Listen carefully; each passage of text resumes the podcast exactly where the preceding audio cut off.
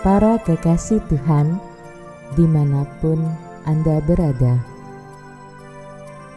Kita berjumpa lagi dalam Kencan dengan Tuhan, edisi hari Rabu, tanggal 11 November 2020.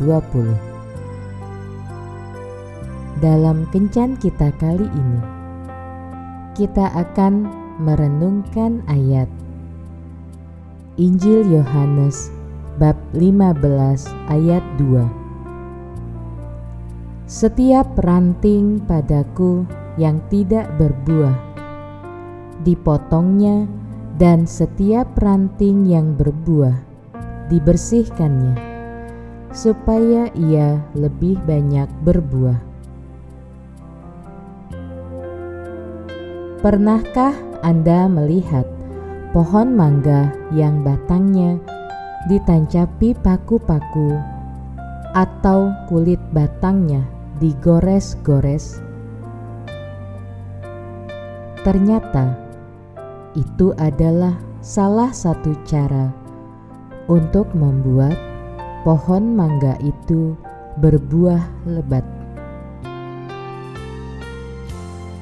Mari kita sedikit berimajinasi Kira-kira apa yang dipikirkan dan dirasakan pohon mangga tersebut ketika paku-paku ditancapkan di batangnya dan kulit batangnya mulai digores-gores hingga mengeluarkan banyak getah, sakit, perih, dan luka. Meski terlihat kejam, tapi hasil akhirnya sungguh indah. Karena pohon mangga itu bisa berbuah lebat. Firman Tuhan juga menuliskan hal yang sama dengan gambaran tersebut di atas.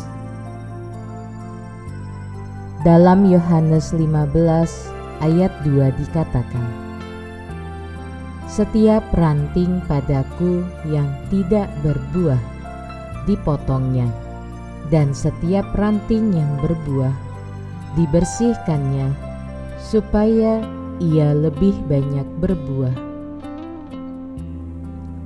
Proses yang Tuhan izinkan terjadi memang menyakitkan untuk daging kita satu waktu, rasa-rasanya kita ingin berontak ketika mengalami proses yang menyakitkan seperti itu.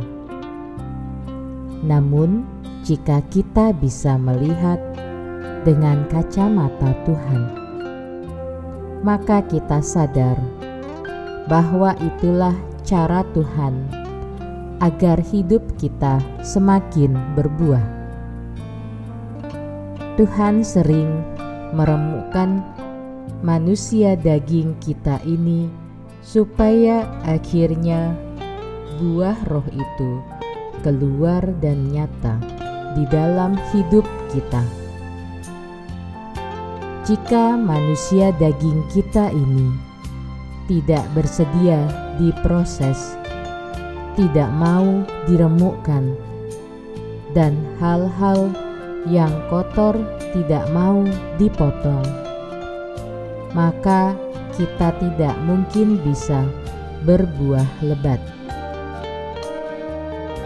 Jika hari ini kita harus mengalami serangkaian proses pembersihan, proses pemotongan, proses pemakuan, atau proses penggoresan daging.